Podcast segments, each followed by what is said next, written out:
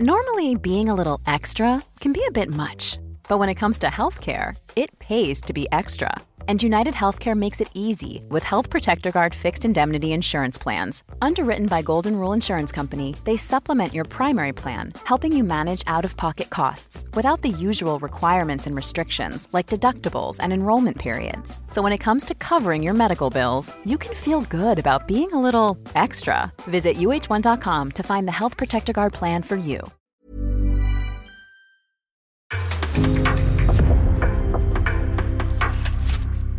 En podcast från Aftonbladet.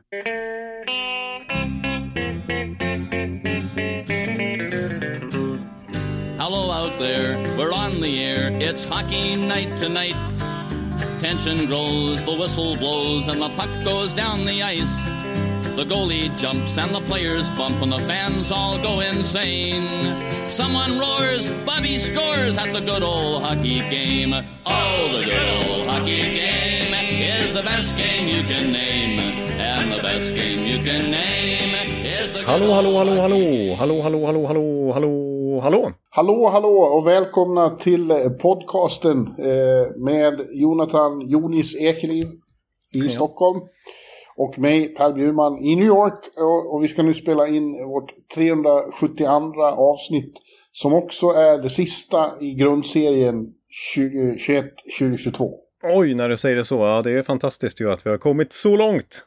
Ja, Jag minns, inte som igår ska jag inte säga, men det känns inte som att det är ett halvår sedan vi gör, spelade in våra preview-poddar och jag tippade att New York Islanders skulle vinna Stanley Cup. Eh, nej, det är konstigt med tidsperspektiv. Jag tycker det har varit en lång och delvis svår vinter och den pågick för evigt. Men samtidigt känns det som det var inte särskilt länge sedan vi hade opening night. nej, precis. Den vill jag egentligen också glömma, för då, då slog ju Pittsburgh Tampa ganska rejält när det var Banner Ja. Night och så vidare. Jag var så taggad, men så blev det som det blev. Mm. Ja. Och sen lite senare fick vi se Seattle Kraken för första gången någonsin Just det. mot Vegas då. Förlorade med uddamålet, man tänkte det här blir nog bra ändå. Ja, och sen så blev det en väldigt massa förluster. Ja, Snabbt. Ja. Ja, men eh, det är ju en väldigt spännande tid det här. Jag börjar känna, tycker jag, att, att nu, eh, nu är eh, hela årets utdragna höjdpunkt på väg. Alltså, det finns ju, eh, när, när slutspelet börjar då, då, då, växlar, då växlar hela tillvaron in i någon slags ny dimension som jag tycker är helt magisk. Ja. ja, det håller jag med dig om. Och du speciellt som är på plats då och känner den eh, elektricitet, eller vad man ska säga, som blir eh, mycket mer påtaglig när det är slutspel jämfört med en grundserielunk. Jag menar, Ja, du kommer eh, inte skriva “Kill me now” som du har gjort i New Jersey. Liksom. Nej, Nej och, och, men det, jag, går, men jag försvinner in i en bubbla då. Så det, finns, det, det är det underbara med det, att det är liksom som en drog på det sättet att det bara skapar ett eh, intensivt nu. Ja. Eh, och livet går ut på att leva i, i nuet. Och det är sällan eh, jag gör det så mycket som under slutspelet. Och, och det mest intressanta med det är att det går inte- inte att föreställa sig så här på förhand, utan det, det är när det händer som det händer. Det är då dopaminet börjar forsa. Eh, Ja och, eh, men, men jag är ändå otroligt eh, liksom, taggad nu. Jag har börjat titta på, vilket du har sett eftersom jag har skickat dem vidare till dig, sådana här videos som NHL gör med, med inspirational eh, grejer. Ja. ja, precis. Ja, man blir ju taggad och jag vet ju att om det är någon som kan vältra sig sånt så är det du. Ja, ja men då kommer sånt här upp som man glömmer bort att just ja, det blir, det blir förlängningar nu som inte tar slut efter fem minuter. Det, blir, det, blir, det kan vara förlängningar i perioder. Ja. Och så här episka mål som känns episka just då, men så ser man dem i ett klipp 35 år senare också liksom. Ja. Att det är Och, eviga eh, klassiker. Och viftandet med handdukarna där inne. Och när publiken börjar bli riktigt, när det börjar komma ner och de börjar skrika We want the cup. Den dyker ju bara upp i vissa särskilt elektriska ögonblick. Ja. Ja, men du, eh, jag ska ändå låta dig... Du, du, ska få, du får inte säga din, ditt klassiska talesätt eh, i den här podden än. Eller ja, du kan få göra det, men, men framförallt får du göra det nästa, eh, nästa avsnitt. För vi kommer ju spela in ett stort preview-avsnitt då. Eh, innan det brakar igång också. Så ni, ni vet vilket jag menar tror jag. Men det kanske vi får vänta med. Ja, det tar vi på. På söndag då planerar vi väl det. för vi har några eh, grundseriematch-omgångar kvar här nu kan, det kan vara avgjort redan på, ja ikväll. Eh, kan det vara avgjort allting i princip. Ja, precis. Vi ska komma in på eh, slutspelsracet sista veckan här. Eh, och det kan som sagt bli klart. I natt så möts ju Vegas och Dallas och går det Dallas väg, ja då är samtliga slutspelslag klara redan nu. Ja, det är de väl ja. Eh, nej, eh, kan Vancouver? Nashville, Nashville, ja, Nashville är fortfarande räddningsplank också. Mm. Ja. Eh, de har en svår match mot Calgary va? Ja, det Just det. Ja, du, ja, då ska jag inte dra för, förhastade slutsatser redan nu. Nej, men, men det kan mycket väl vara så. Ja, och så ska eh, serierna ska ju bestämmas vilka som möter vilka och så också. Men, ja, eh, eh, vi ska återkomma till, eh, vi, vi, ska eh, gå in, komma in på det, vad, vad, vad, som har hänt och vad som gäller de här sista dagarna. Men för andra veckan i rad måste vi börja med väldigt tråkigt segment. För att mm. förra gången vi spelade, då hade Mike Bossy gått bort. Eh, och mm. bara en vecka senare så, så lämnade också Guy Lafleur eh, jordelivet. Eh, och det är ju brutalt, tycker man, eh, mot hockeyvärlden. Gudarna är brutala nu som tar bort två sådana ikoner inom loppet av en vecka. Ja, i princip samma era får man säga att de huserade ja. också. Eh, Agila Fleur kom väl in lite, lite ja, var, Han var med 70-talet och Mike Bosse är mer 80-talet då, men de tangerade varandra något, något sånär. Mm. Eh, ja, och jag kommer ihåg att förra veckan när du snackade Mike Bossy så, så sa du liksom att eh, vilken flärd och vilken eh, swagger och så vidare. Ja. Eh, som han, eh, den karisman han hade. Men är det ett ord som kanske Gyllaflör förknippades med så var det ju karisma. Ja, jag, jag, jag skrev det också nu om, om, jag, om jag påstod att Mike Bossy var som en rockstjärna på isen, då vet jag inte vad man ska säga om Lafleur. Han var han var i så fall en, en hel Rolling Stones-dänga på skridskor. Ja. ja. Med det där håret fladdrande och, och sin... Eh, som du säger, han hade bara karisma och... Eh, alltså, eh, jag tror att jag visste, eller hade hört talas om Gila Fleur innan jag visste nästan någonting om NHL. Ja. Eh, för att det var så fruktansvärt coolt namn. Jag tror det ja, det var min bror som fick lära mig att uttala Gila Fleur. Jag, jag fattar inte, hur kan någon heta något så coolt? Ja, ja precis. Det det vi, samma sak sa vi om Mike Bossy, att det är coolt ja, namn. Men alltså Gila Fleur, det är, no, det är ett snäpp till alltså. Ja, jag ville också, när jag var liten ville jag heta Gila Fleur Bjurman. Ja. och sen dök han ju då upp, eh, eller ja, det första vi, jag fattade om NHL var väl när Börje Salming och de började på 70-talet där, i början av 70-talet försvinna dit. Och, och om man fattar vad, vad är det där NHL för någonting. Det låter helt uh, otroligt. och sen var det Canada Cup 76 när jag var nio år och man var uppe och tittade på mitt på gryniga tv-bilder. Ja. Och då var Gila Flör med.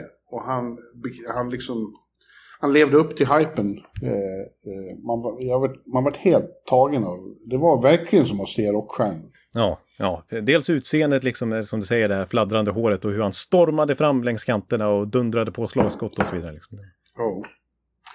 Men det är ju också nu uppenbart hur enormt, enormt stor han var i, i Montreal. Eh, de, han, han får ju alltså en regelrätt stadsbegravning i, i början av nästa vecka. Och kommer att ligga lide parad i två dygn tror jag det Ja, det är ju... Ja, det, är, säger något om är religion.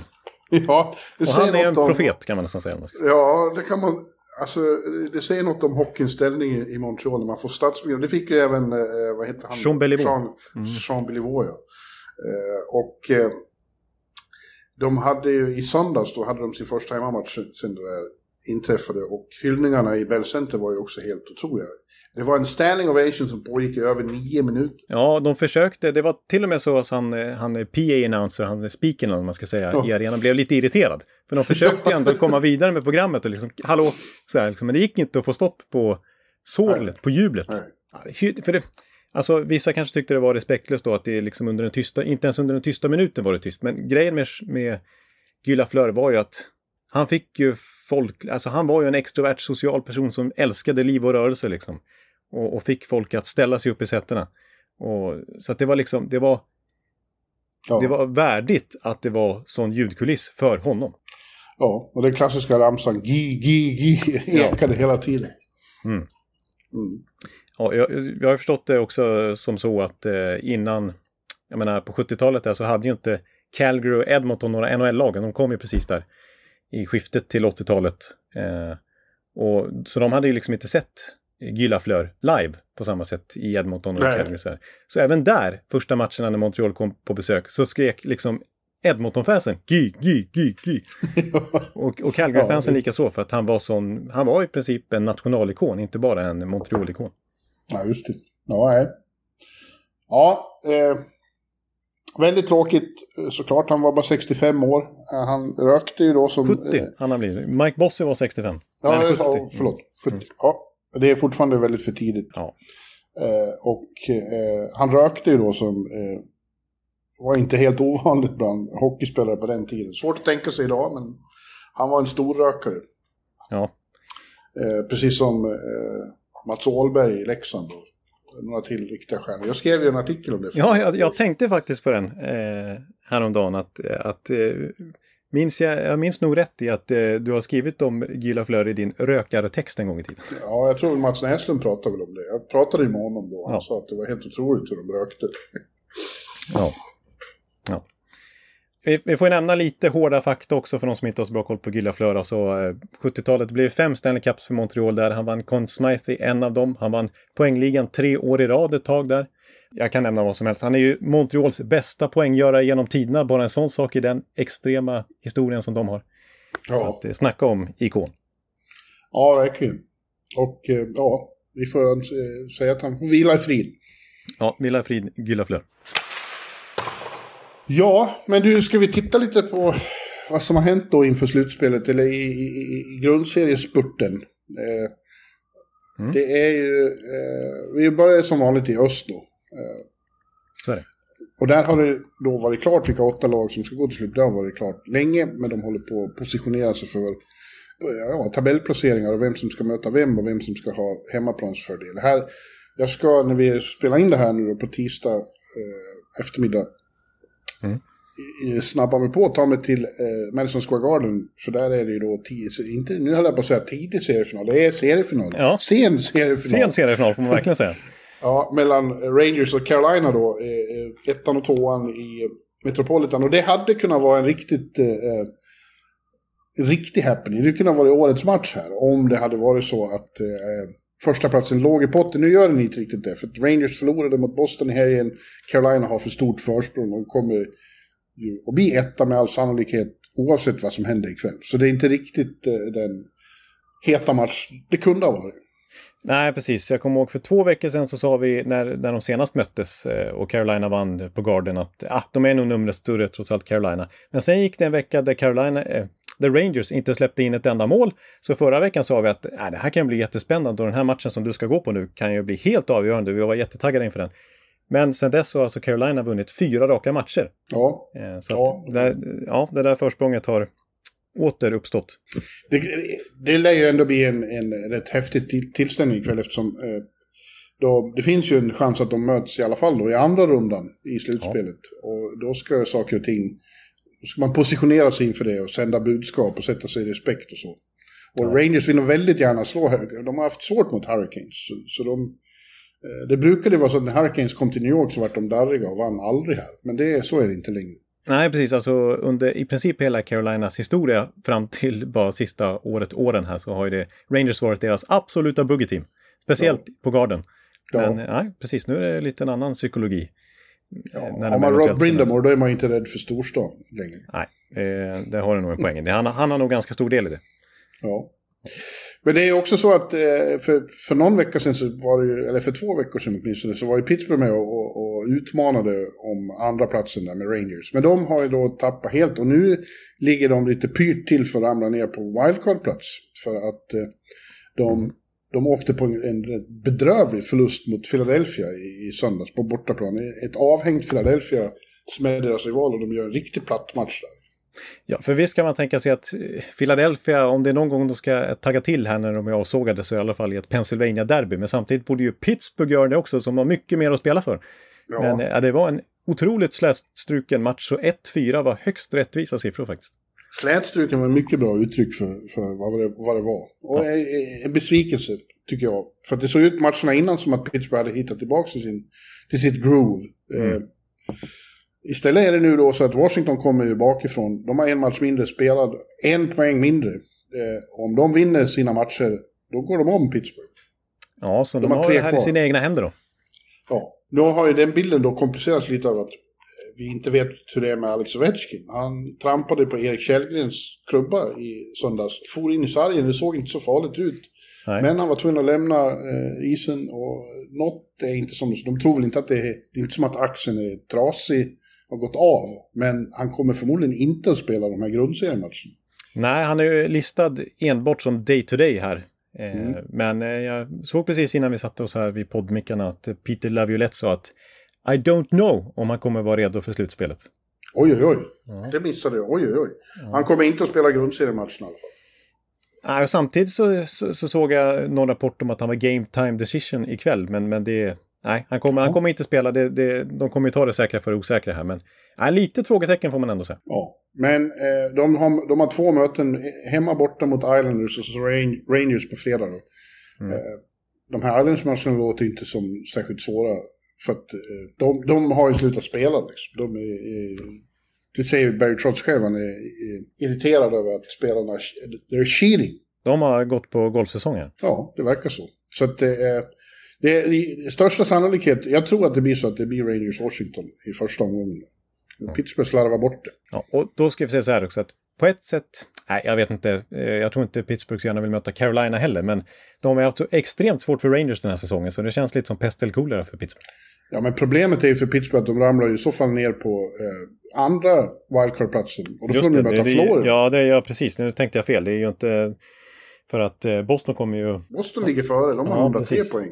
Precis, det har känts som att man bara tänkt, i och med att Pittsburgh har legat före i princip hela säsongen så har ju faktiskt Boston gått ikapp nu. Och förbi till och med. Ja, så, att, de får ju möta Florida då. Grattis, Ja, man. då. ja, tyvärr.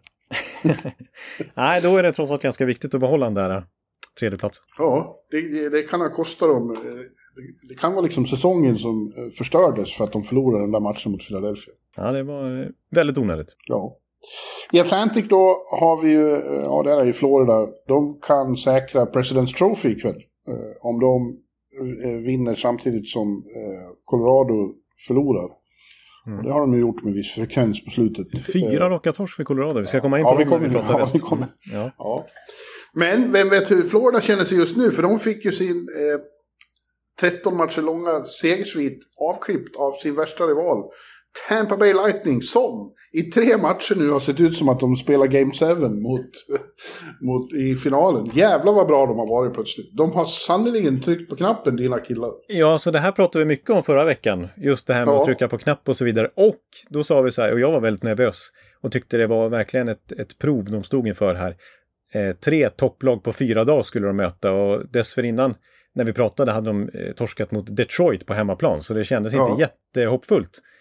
Eh, men eh, det blir alltså 22-7 på de här tre matcherna. 8-1 mot Toronto, 6-2 mot Nashville och så 8-4 då borta mot Florida. I en back-to-back Ja. dessutom. Så att, ja. Ja, de ser, de ser plötsligt, otroligt snabbt har det gått. Och, och, från att ha man har ifrågasatt dem och så plötsligt är de så fruktansvärt bra igen. Ja, och så åker de till eh, Vita huset här på måndagen och det, det är så det är sån annan stämning vet du. Eh, Bara på en vecka så helt plötsligt så känns det väldigt positivt och upplyftande och liksom nu är man taggad på slutspelen. Det var första gången som Tampa Bay Lightning var i Vita huset. När de vann 2004, då var det lockout säsongen därpå. Och nu har det varit pandemi, eh, så de har inte fått vara där och fira sina, sina eh, mästerskap. Men nu eh, tog de allt i en sväng och det dök upp lite människor från, från 04 och så också. Ja, Eh, och, och, Braden Coburn här från 2020-laget till exempel. ja, och det var ju humor när, när Biden då kallade Gary Bettman för Batman. Ja, Viktor Hedman står bredvid och kan inte hålla sig för skratt. nej. Stor humor. Ja, och jag vet inte om han är Steve med Steven Stamkos, men han sa ju konsekvens Steve i alla fall till Steven. Ja, ja. ja men han var roligt honom sa han. 14 season, you, you, you're getting old man. Ja. ja, det var lite småpikar här och var, men det... Men det var ju kul för att Ja. Biden är anklagad för att vara så gammal hela tiden. Det var ju kul. Ja, Ja. Hur som helst. Det här sätter ju eh, eh, Toronto då i viss knipa. För de har ju, det känns som de har framförallt försökt undvika Boston i första rundan.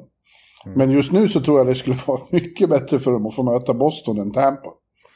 Ja, eh, det känns som att det är lite pest eller kolera historiskt sett för dem också då. Alltså att möta antingen två dubbla vad säger man, eh, regerande mästare.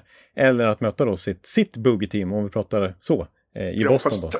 fast Tampa är så mycket bättre än Boston när de spelar så här. Liksom. Det är ju eh, ruskigt.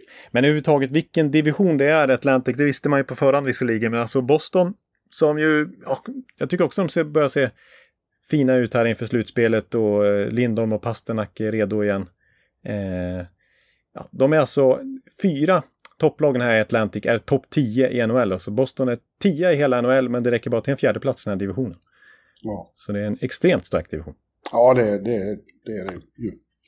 Men eh, ja, det är ju inte helt klart ändå att Tampa blir trea. För Boston är bara, de är tre poäng bakom och står på lika, de har 79 matcher båda två. Så om Tampa slappnar av igen då kan ju Boston komma ikapp. Ja, jag jag skulle det- tro att de har hoppats på det i Toronto. Ja, jag har sett att vår poddlyssnare Chall sitter och ska tok hoppas på att eh, Boston vinner och att Tampa torskar här i om några timmar. Ja. Så det Ja. hon får representera lite hela Toronto Leafs Nation helt enkelt. Ja, vi måste nämna Viktor här också. Vi var ju inne på honom även förra veckan. Men han, det är ju de här, liksom, eh, det är han och Stamkos har ju bara plötsligt... Eh, man märker att det allvaret börjar närma sig för dem. Det slår ju gnistor om dem. Ja, och. Kutjerov, Ja, Kutjerov ja. är lika så. Men alltså Hedman som du säger, ja, eh, de andra två än värre till och med. Men för att vara back, alltså 13 poäng på de fem senaste matcherna av Victor Hedman. Inklusive fyra assist då i, i, mot Florida. Ja. Det betyder att han nu står på 81 poäng. Det är en poäng från svenska backrekordet i NHL någonsin. Satt av eh, Erik Karlsson 2014-2015. Så han är på väg om Erik den otroliga säsongen han hade då. Ja, det är, det är sanslöst. Och han har också gjort mer mål än någonsin. Är, han är på väg mot svenska backrekordet också. Det har ju Oliver Ekman Larsson då, på 23. Ja, shit, Och- precis. Mm. Och Viktor står på 21 nu. Eh, Ja. Fantastiskt. Och vi har ändå som jag pratade om att han var inte i närheten av, tyckte jag då, eh, Roman Josie och, och Cale McCarr i, Norris-diskussionen. Och det kanske han inte är heller, men skulle det vara verkligt eh, recency, bias som vi pratade om, då, då ska han ju vara... Ja, då har han onekligen blandat sig igen. Ja, Ja, han kommer ju ja. bli nominerad för sjätte året i rad. Absolut, det kommer han. Och, och som du säger med hans siffror, här, det är alltså personligt målrekord, personligt assistrekord och följaktligen personligt poängrekord och det kan bli svenskt rekord till och med. Ja. Så att, eh, ja, han är het. Ja, i väst då, om vi tittar på Central först. Du nämnde i förbigående där ja, att Colorado har ju plötsligt hamnat i en besvärlig svacka. Mindre än en vecka kvar till slutspelet så har de plötsligt fyra raka förluster, inklusive mot några inte helt imponerande lag. Nej, nej, de kollapsade här om natten mot Winnipeg till exempel. Ja, Seattle har de väl fått stryk mot. mot Ja, det- ja, visst. Ja, De har fått stryk mot Washington, Seattle, Edmonton och Winnipeg. Eh, det är ju, alltså, ja, man kan förstå att det blir svårt med motivationen ibland när man eh, har varit i topp så länge och varit ohotad. Men eh, de har ju själva sagt att man kan inte backa in i slutspelet. Det, man måste komma in på rätt sätt, man måste ha rätt känsla. Det här är ju, det här är ju klart oroande. ja det är det. Och sen, eh, visserligen de kan skylla på att de har eh, antingen haft spelare skadade eller sjuka, Rantanen till exempel, eller eh, eh, vilat spelare överhuvudtaget. Devon Taves har inte spelat på slutet. Landeskog kommer ju vara redo först när slutspelet Ja, börjar. Och alla de här kommer ju vara redo när det börjar, sägs det. Eh, Men eh, ändå, eh, så är det ju. Ja, det där är ju oro. Alltså det där att börja vila spelare och, så, där, och i synnerhet när det går emot, det, det är jag tveksam till. Sen måste jag bara konstatera, jag såg en siffra fladdra förbi som är rätt talande för De- Devon Taves betydelse. Eh, han är ju liksom, Ja. vi har ju konstaterat flera gånger vilken bra back det är och vilka, vilket ytterligare kliv han har tagit sedan han kom till Colorado. Men eh, jag såg nu, i och med att han var borta här på slutet, av de 64 matcher han har spelat den här säsongen så har Colorado bara torskat 9 av de 64 matcherna.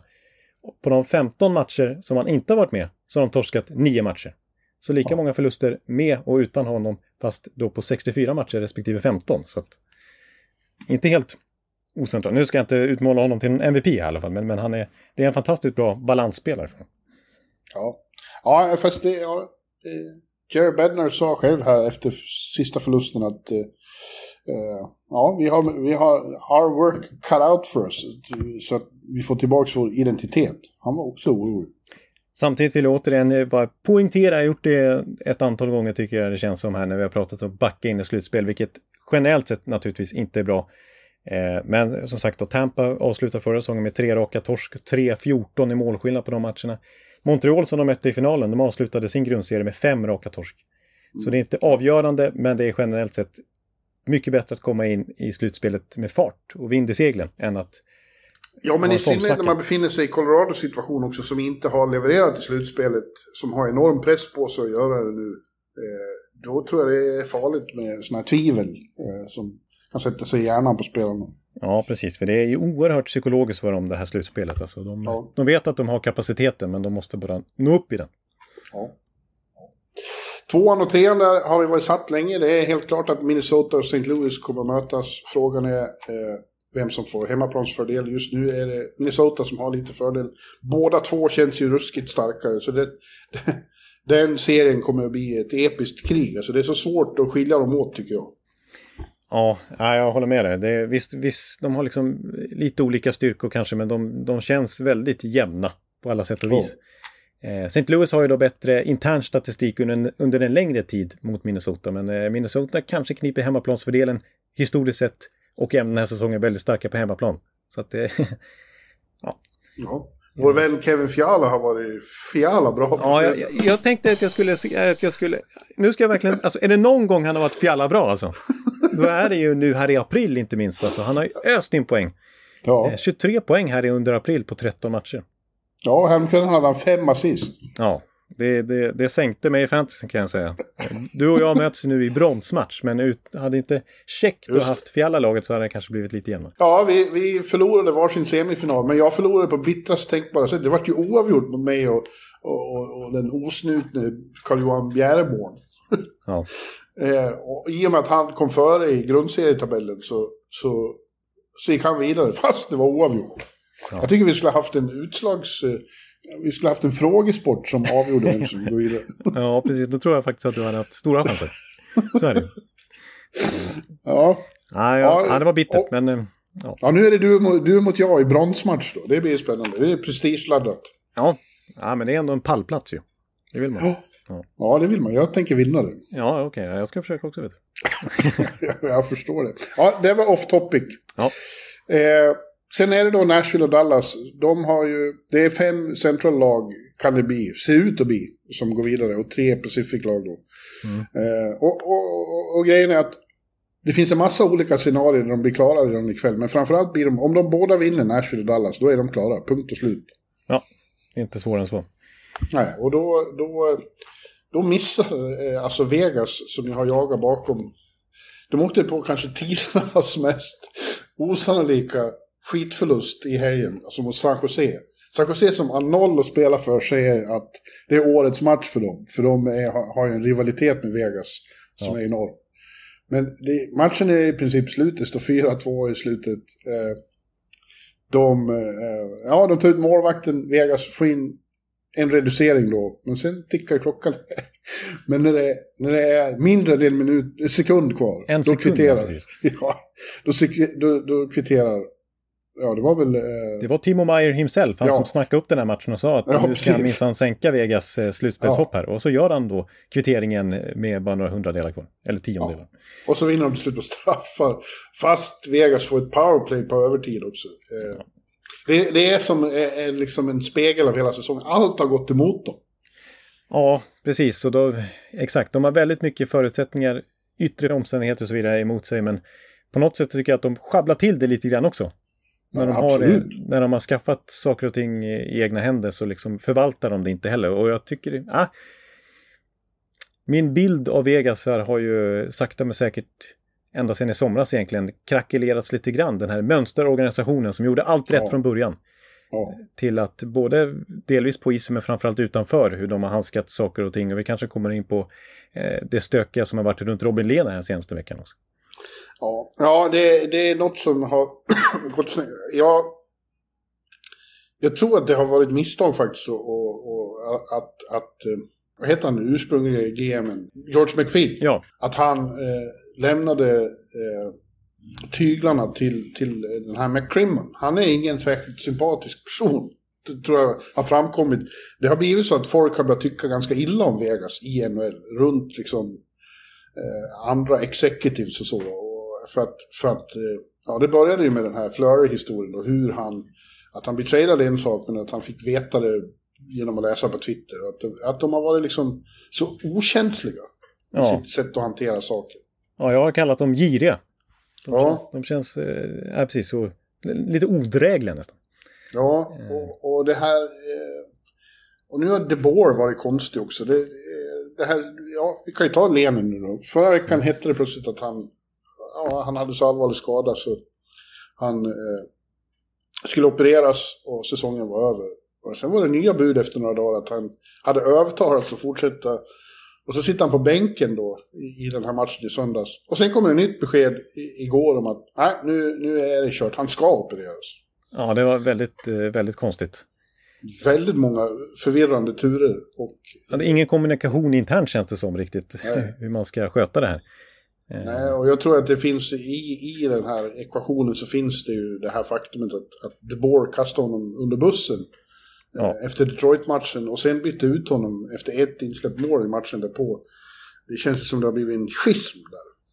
Ja, precis. Och det påstås ju att Lener har blivit rätt irriterad av det också, just det här att han byttes ut efter, Ja, efter en period också. Liksom, varför skulle jag starta ens från början? Han släppte ju bara in ett mål på 13 skott, så det är svårt att motivera det sportsligt. Även om så liksom, det har ju sagts i efterhandskonstruktion att det har att göra med den här skadan. Och det hade väl till viss del att göra, men De Boer sa ju, motivera efteråt med att nej, han ville väcka laget. Vi, han tyckte att det behövde hända någonting för att vi ska vinna den här matchen. Liksom.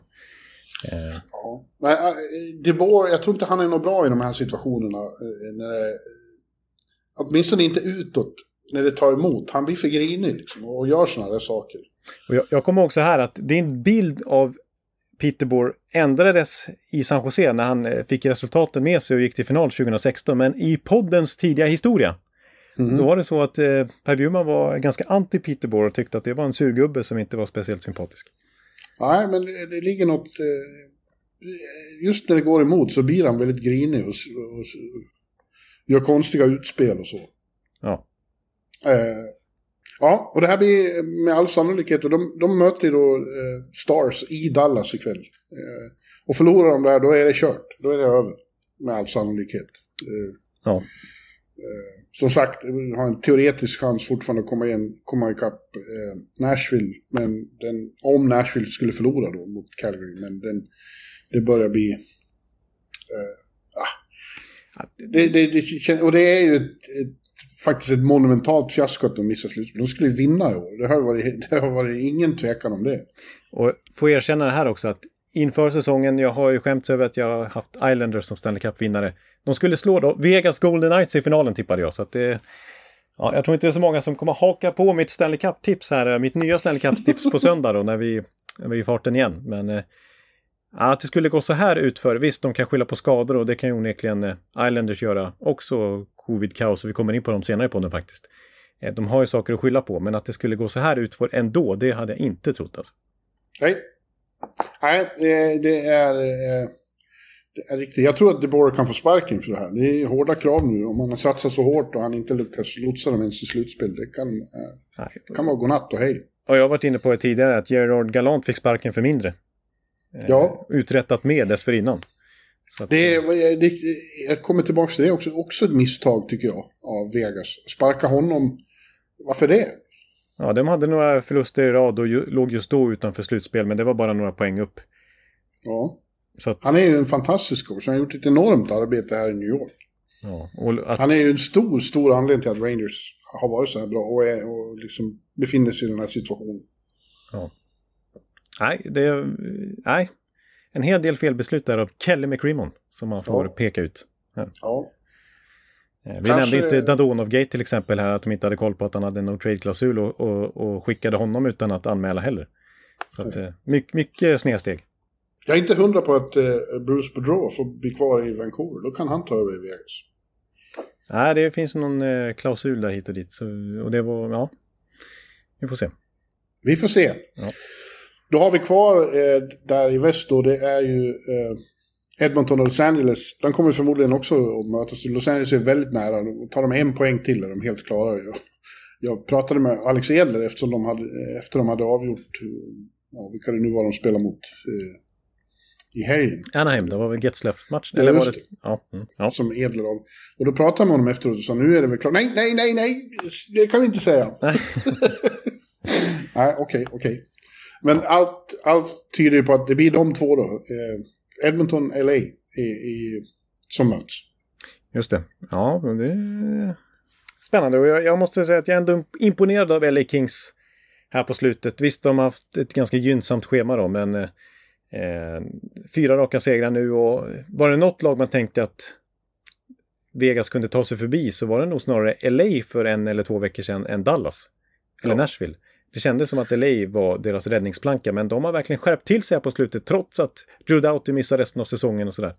Ja, de har vunnit fyra raka nu. De, de, när, det liksom blev lite fara, då tog de sig samman på ett imponerande sätt. Ja, och jag, vi, vi får se hur hög deras högsta nivå verkligen är, men den, den, deras lägsta nivå tycker jag är helt... Visst, de har åkt på några rejäla torskar också under säsongen, men jag, jag, tycker de känns stabila där med Kopitar och Philip Dano som centrar liksom. Mm. Eh, och så Todd McLellens coaching, och så faktiskt är jag imponerad också av Jonathan Quick och han har studsat tillbaka den här säsongen. Det kändes som att han var rätt slut och att Kelvin Peterson tog över förra säsongen då och fick ett nytt fint kontrakt och kändes som gjuten etta när den här säsongen skulle inledas. Men successivt är det ju Quick som verkligen har tagit över första spaden och det är han som har stått här hela vägen på slutet och, i de här fyra segrarna. Så att, mm. eh, ja, nej, jag tror inte, jag tror inte de, jag är inte så jätterädd för dem i slutspelet här om jag hade varit motståndare, men, men eh, inte helt lätt att skaka av sig heller. Lite gamla kackerlackorna vet du, de, de, mm. de, de, de, de är svårspelade. Och de har, de, ja, och har man eh, en one-two punch i, mm. i eh, Kopitar och Dano mm. så är man inte ofarlig i slutspelet. Fråga de som mötte Montreal förra året. Nej, precis, precis. Och så liksom eh, Kempe verkligen kom igång med sitt målskytte och mm. Arvidsson tycker jag ser bättre och bättre ut hela tiden i Kings också. Ja, de har ja, lite mer komplement nu än vad de haft tidigare också. Det är ju en playoff-spelare, Arvid. Ja. Arvid. Arvid, ja. Precis, att, ja. ja. Sen är det, ja, ett, ett tag var det faktiskt så att Vancouver hade lite, skulle ha kunnat komma ikapp Los Angeles. De är inte formellt borta. Eh, om alla resultat går med dem samtidigt som de vinner sina tre sista matcher så finns det någon slags teoretisk möjlighet att de tar sig till slutspel. Men den, det verkar ju helt eh, otänkbart. Det, det är slut ikväll förmodligen. Ja, det tror jag. Det räckte inte hela vägen. Det var en bra push av dem. Och snacka ja. om att de väcktes till liv av eh, Bruce Boudreau. Och alla förändringar. Ja, om de, hade, om de hade gjort den förändringen en månad tidigare. Kanske. Då kanske de hade gått till slutspel. Så. Och fått igång Elias lite. Han har ju varit riktigt superb sista veckorna här. Eh, ja. Men det kom lite för sent. Ja. Men det känns ändå lite hoppingivande inför nästa säsong. Man, man har ju sett kapaciteten som finns där i alla fall. Ja, det ska bli intressant vad, vad som händer då. För att de, eh, de har ju en ny ledning nu som inte har fått eh, lyckats sätta sin prägel på organisationen än. Men de kommer att get to work nu, eh, Jim Rutherford och Patrik Alvin. Det ska bli intressant att se vad de gör med det här laget. Ja, verkligen. Det kommer vi återkomma till en hel del i sommar. Ja. A lot can happen in three years, like a chatbot may be your new best friend. But what won't change? Needing health insurance. United Healthcare Tri Term Medical Plans, underwritten by Golden Rule Insurance Company, offer flexible, budget friendly coverage that lasts nearly three years in some states. Learn more at uh1.com. Och nu när vi pratar om dem, så vi, vi sa innan vi började spela in att eh, nu kommer det att följa eh, två månader av podd när vissa lag inte kommer att nämnas alls mer. Nej, om det, det inte är de någon som är... coachsparkning eller så. Men... Ja. Uh, ja, men vi kommer att inte prata om dem som hockeylag så mycket och vad de gör och så. Och det Nej. är ju då alla som missar slutspelet. Vi ska inte gå in på alla lag, inte alls. Vi ska bara säga vilka som har varit stora besvikelser för oss, som inte går till slutspel. Och i öst är det ju framförallt Islanders då. Jag, jag, jag sitter här och, och fnissar. Det jag, jag kollade igår hur jag tippade i NHL-bibeln. Ja. Som var det första jag tippade. Sen tror jag att jag gjorde om det där till mitt eget tips. Ja, det var ju smart. Men jag hade också Islanders i final mot Colorado. Ja, ja du ser. Men de var ju så bra i fjol och såg ut att vara på väg åt rätt håll. Så att ja, det var, vi, var, vi är inte precis ensamma om att ha gjort den här nej, misstaget. Nej, så är det. Det var ju ganska vedertaget. Inte kanske att det skulle vinna Stanley Cup, men att det skulle vara tredje gången gilt att gå till final i alla fall. För de har ju varit i två raka konferensfinaler. Torska mot Tampa. Satte ju Bolts rejält på prov här förra året eh, när det blev en Game 7 och bara 1-0 i den matchen. Eh, det var, de var riktigt illa ute där Lightning och då mötte de ändå Carolina och Florida dessförinnan, men det var jag ska inte säga bekväma, men bekvämare matchserie än den mot Islanders som var stenhård. Så jag, jag trodde faktiskt att eh, ja, när typ Anders Lee kommer tillbaka också dessutom att, att eh, de skulle vara redo för att ta nästa steg den här säsongen och gå hela vägen. Men eh, nej, inte ens slutspel då. Nej, och det är ju en... en eh, jag skulle vilja påstå att ingen seriös tippare förra säsongen hade dem utanför slutspel. Nej. Men det var, eh, vi vet ju vad det var. Det var den långa eh, bortaresan som inledde med 13 raka borta. I slutet av den roadtrippen så föll de ihop lite grann. Och sen kom covid och, och Försatte halva laget utanför ja. spel. Det var innan liksom NHL började du vet, ställa in och juluppehållet och man liksom pausade NHL. Alltså Islanders åker väldigt illa ut för de var liksom nästan först ut att drabbas. Liksom. Mm. Ja, det var de. Och sen, men sen när de fick tillbaka alla så var det var liksom som vi har sagt, man kan, man kan inte vinna man kan inte vinna i oktober, november, men man kan fan förlora. Ja, för man kan gräva för stor grop som ja, man inte orkar ja. klättra uppifrån. Eh, och det var det som hände. De, de, och jag tror också så här, det är verkligen så med Barrett sätt att spela och Islanders har byggt sitt lag, att de är otroligt skickliga på att bli jagade.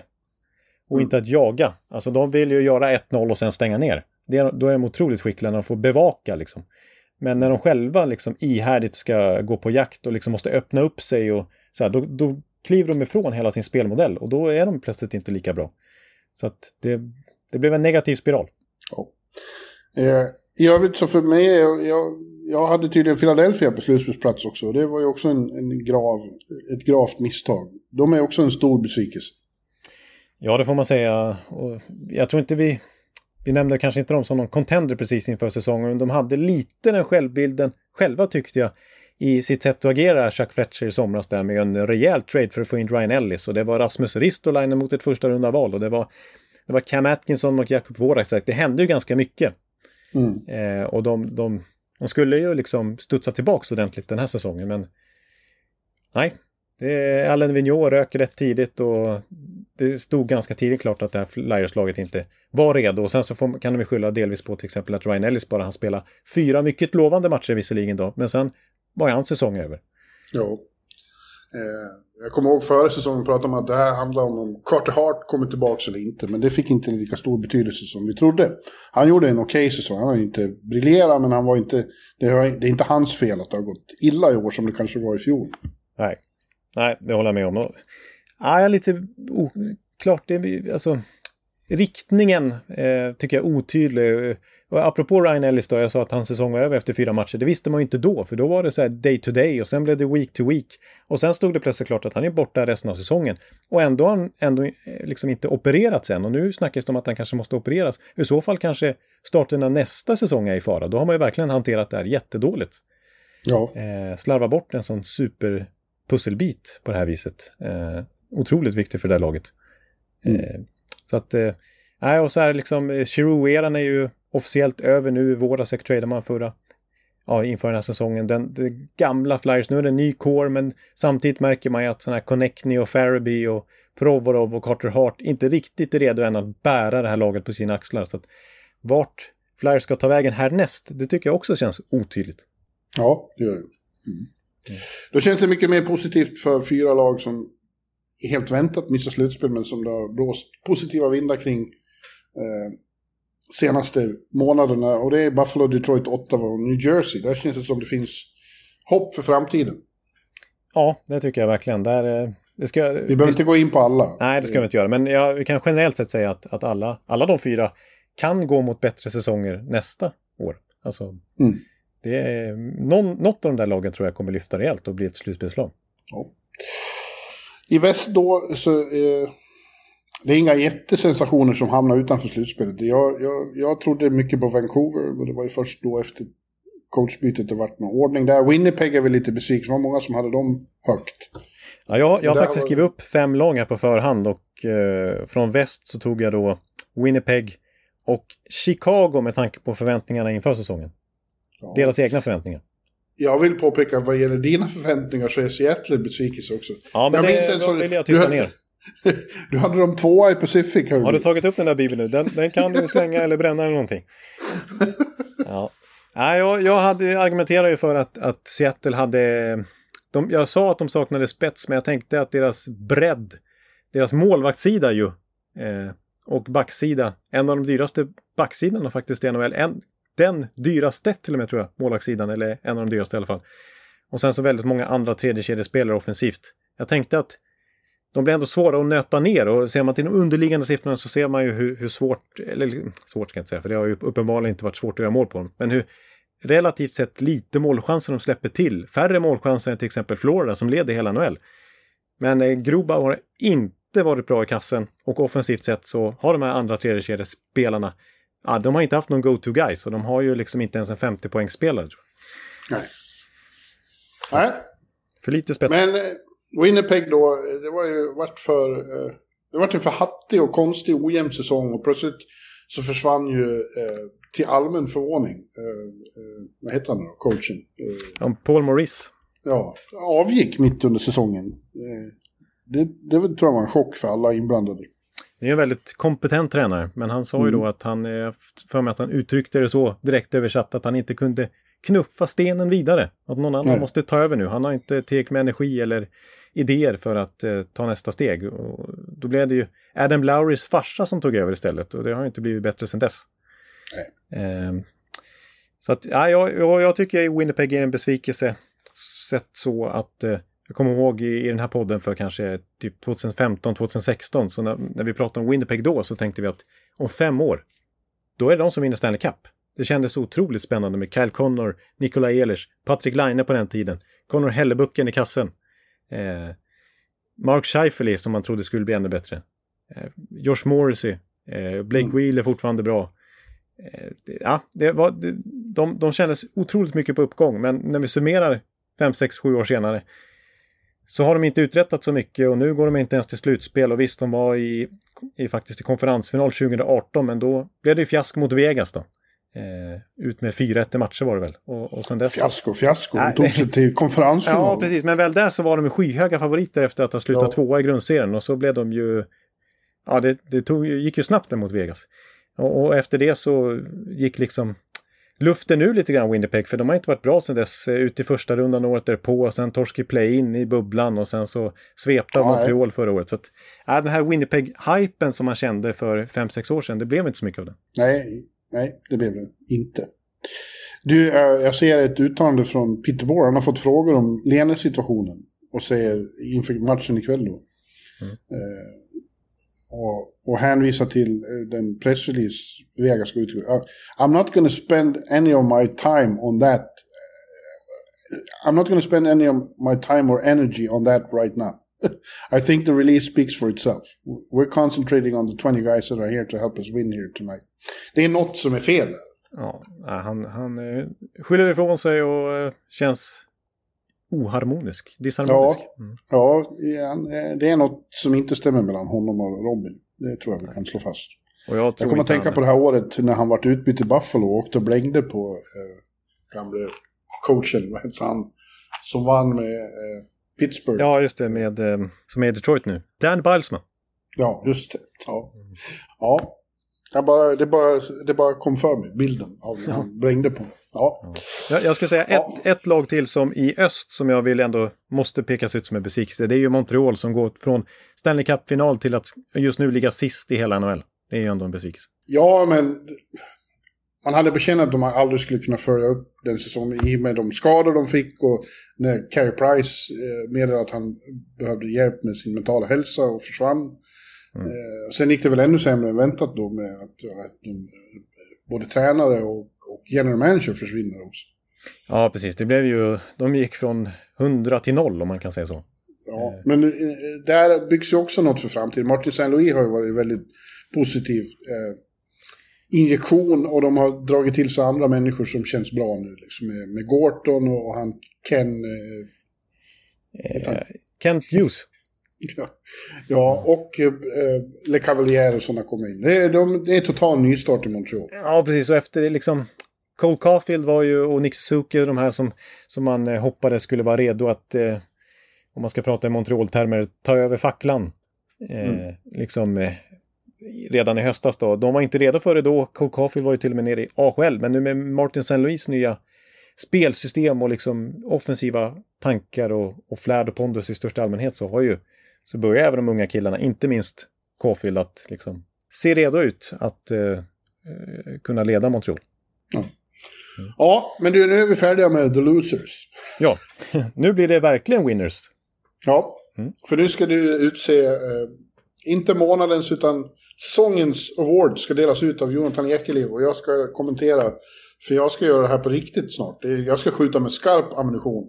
Mejlet är här, jag ska bara börja fylla i eh, röstsedeln snart. Ja, du är ju med i juryn så att eh, ja, det blir spännande att se vilka picks du gör. Du, man kanske kan få en viss hint utifrån hur du kommenterar mina val här nu, men, men det här är alltså Har du mina, gjort fem val i varje kategori? Eller bara en vinnare? Eh, nej, jag har valt eh, tre per Ja. kategori. De som Vi i slutändan fem. blir. Ja, jag vet du ska ta ut fem, men jag har valt tre, för det är ju tre som i slutändan nomineras. Mm. Så att, eh, Yes. jag valde att göra förenkla det på det viset. Eh, ja, vi börjar som vanligt eh, med det finaste priset. Hart Trophy. Hart Memorial Trophy.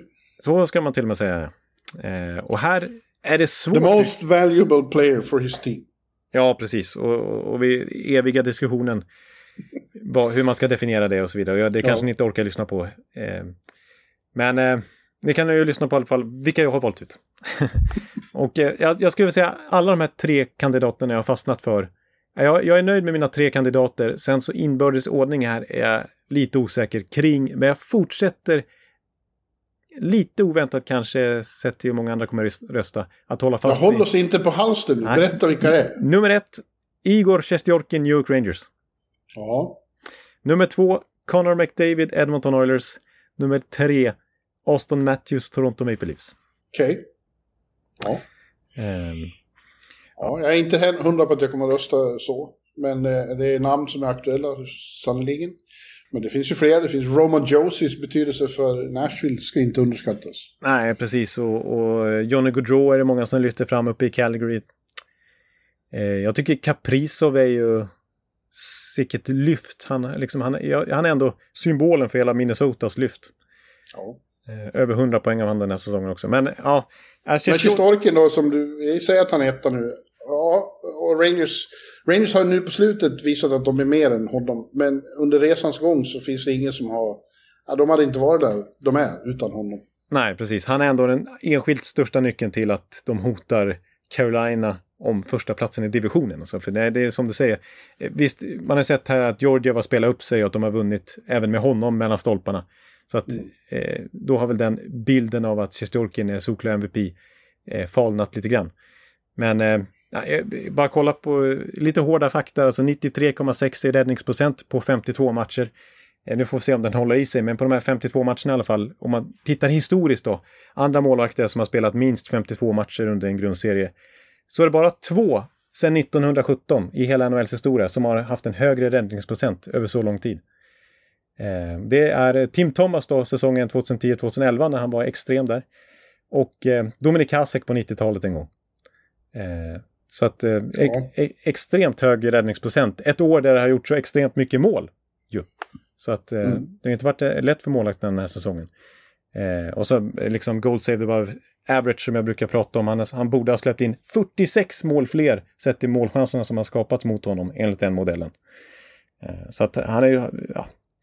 Och eh, till exempel jämförelse med Georgia, han har ju putsat till de siffrorna, men hans facit just nu är 14 vinster, 9 förluster när han har startat. Medan för Sjestjorkin så är det 36 vinster, 12 förluster. Så det är en enorm skillnad i procentuellt antal segrar så att säga. Du, nu får du ta och gasa lite för Ja. om eh, en dryg timme ska jag vara på Madison Square Ska du Garden. titta på jag är-? Ja, exakt. Ja. Eh, ja, McDavid säger väl sig självt. Han, 118. Ja, men vi går vidare nu till Vi, nästa vi går kategori. No, Norris Trophy eller? vi- Ja, vi tar Norris Trophy. Norris Trophy. Eh, ja, Josie eller Cale McCarr är ju de det står mellan. Eh, Ja, Och det är såklart att Victor Hedman ska bli nominerad också. Han har ju, det, det har han ju visat här på slutet. Så att han petar ner Adam Fox eller Charlie McAvoy eller John Carlson eller Demon Taves eller vem man nu vill slänga in det. absolut. Frå- Stora frågan är om det är Kel McCarr eller Roman Josie. Det är redan väldigt mycket debatt om det. Ja, alltså när jag, när jag tittar på mina, vad jag ska motivera med så tycker jag att Roma Joshi känns som att han har mer på sin sida. Men ändå har jag satt Cale McCarr före. Ja, men ja. ja jag tycker det är svårt. Jag, jag tycker Roman Josis säsong har varit helt enorm, men på något vis är, Kael McCarr ännu mer imponerande på något vis när man ser honom. Ja, så skulle man välja vilken back i NHL som helst man skulle vilja ha i sitt lag, då landar jag nog ändå vid Cale McCarr. Och då tycker jag han ska få priset också. Det sjuka är här att eh, Roma Josi har gjort 91 poäng, Cale McCarr har gjort 85 poäng. Eh, liten fördel för Josi. Men båda två noteringarna är de bästa under hela lönetagseran. Så hade det inte varit för Roma Josi hade McCarr satt rekord den här säsongen för, under, under cap-eran. Eh, sen har ju McCarr gjort fler mål, 27. Det är ju svårare att göra mål som back än att samla på sig assist. Eh, medan Josi har gjort 21. Så. Sen, men sen kan man inte säga så att McCarr spelar ett bättre lag. Han är faktiskt bara trea i interna poängligan, har Rantanen McKinnon före sig. Medan då Josie har 10 poäng fler än någon annan i Nashville. Så han får ju verkligen dra ett större lass offensivt. Eh, sen finns det siffror som indikerar på att McCarr, det kanske man inte tror, är bättre defensivt än vad Josie är.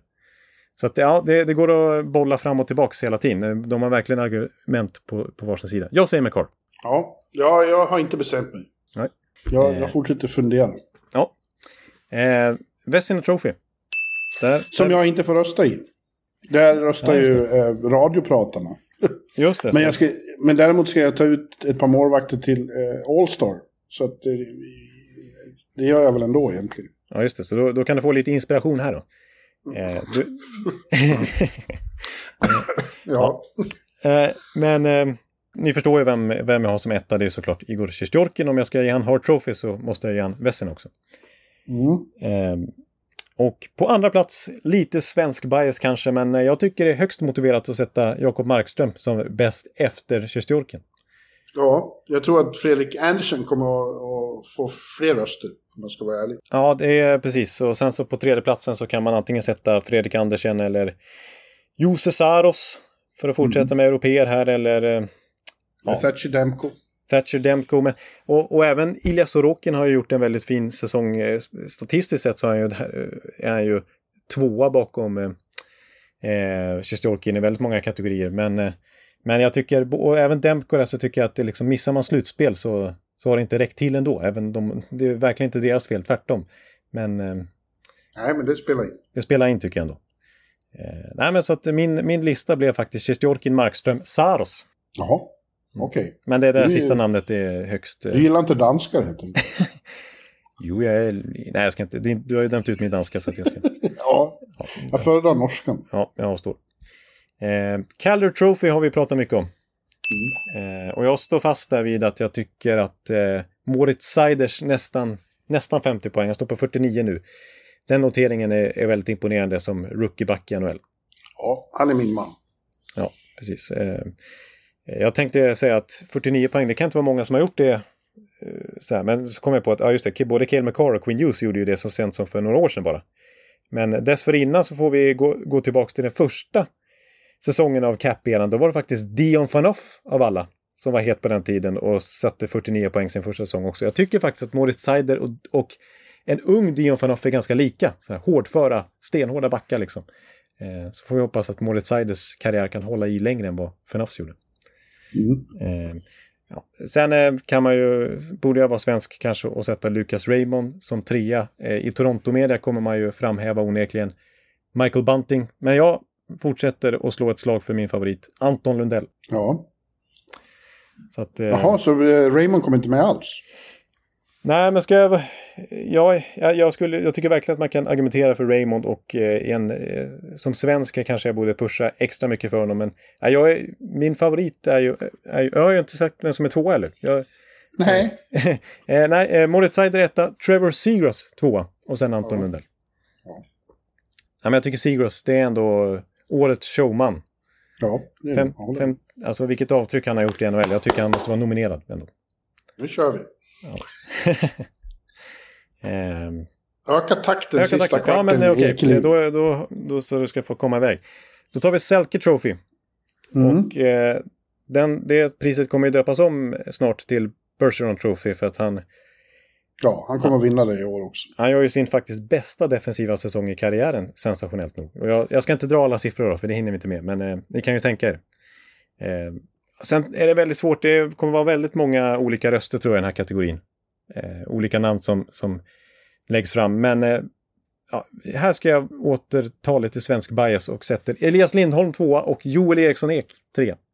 Ja, bra namn. Eh, och jag har massa statistik på dem också, men det skiter jag i. Eh, Jack Adams. Där, Yes. välj, där väljer jag. Ja, jag. Det står för mig mellan Gerard Gallant och Daryl Sutter. Ja, eh, ja, Galant har jag ju sagt eh, att eh, han är en enorm skillnad här nu. Men det har ju eh, Sutter också varit. Han har gjort underverk med, eh, med Calgary. Ja. Men, men jag tycker det är hårt. Jag tycker att även eh, eh, Brunette då, som har fått ta över efter Quenneville, har gjort det väldigt bra i Florida. Och jag älskar ju Rod Brindamore. Ja, precis. Att bara för att man vann förra säsongen och gör typ en lika bra grundserie i år igen så ska inte Brindamore straffas för det. Det var han som vann förra året. Eh, Ja, och, och jag tycker både Dean Everson i Minnesota och Craig Berube i, i St. Louis är värda väldigt mycket beröm också. ja, jag, jag har skrivit upp Galant, Sutter och Everson i den ordningen. Ja, Eh, Det är ju frapperande hur, vilket lyft det har blivit i Minnesota sen Everson klev in och det har ju mycket med att göra Kaprizov också naturligtvis. Men, men man ser ju på vilken struktur de har i sitt spel. Eh, där har ju Everson onekligen mycket att säga till om så att eh, han blir nominerad från min sida. Eh, på för, då har vi bara en kategori kvar där jag har eh, varit låtsas röt, röstat här och det är GM of the year. Mhm. Och istället för att ge credden till Brunette i Florida så väljer jag att ge GM of the year till Florida Panthers general manager då, Bill Zito. ja. Säg inte det till Anton Strålman då, som jag Nej, intervjuade. just det. Han var inte så förtjust i honom. Nej, alltså inte ens kommunicerat ordentligt med honom på slutet. Nej.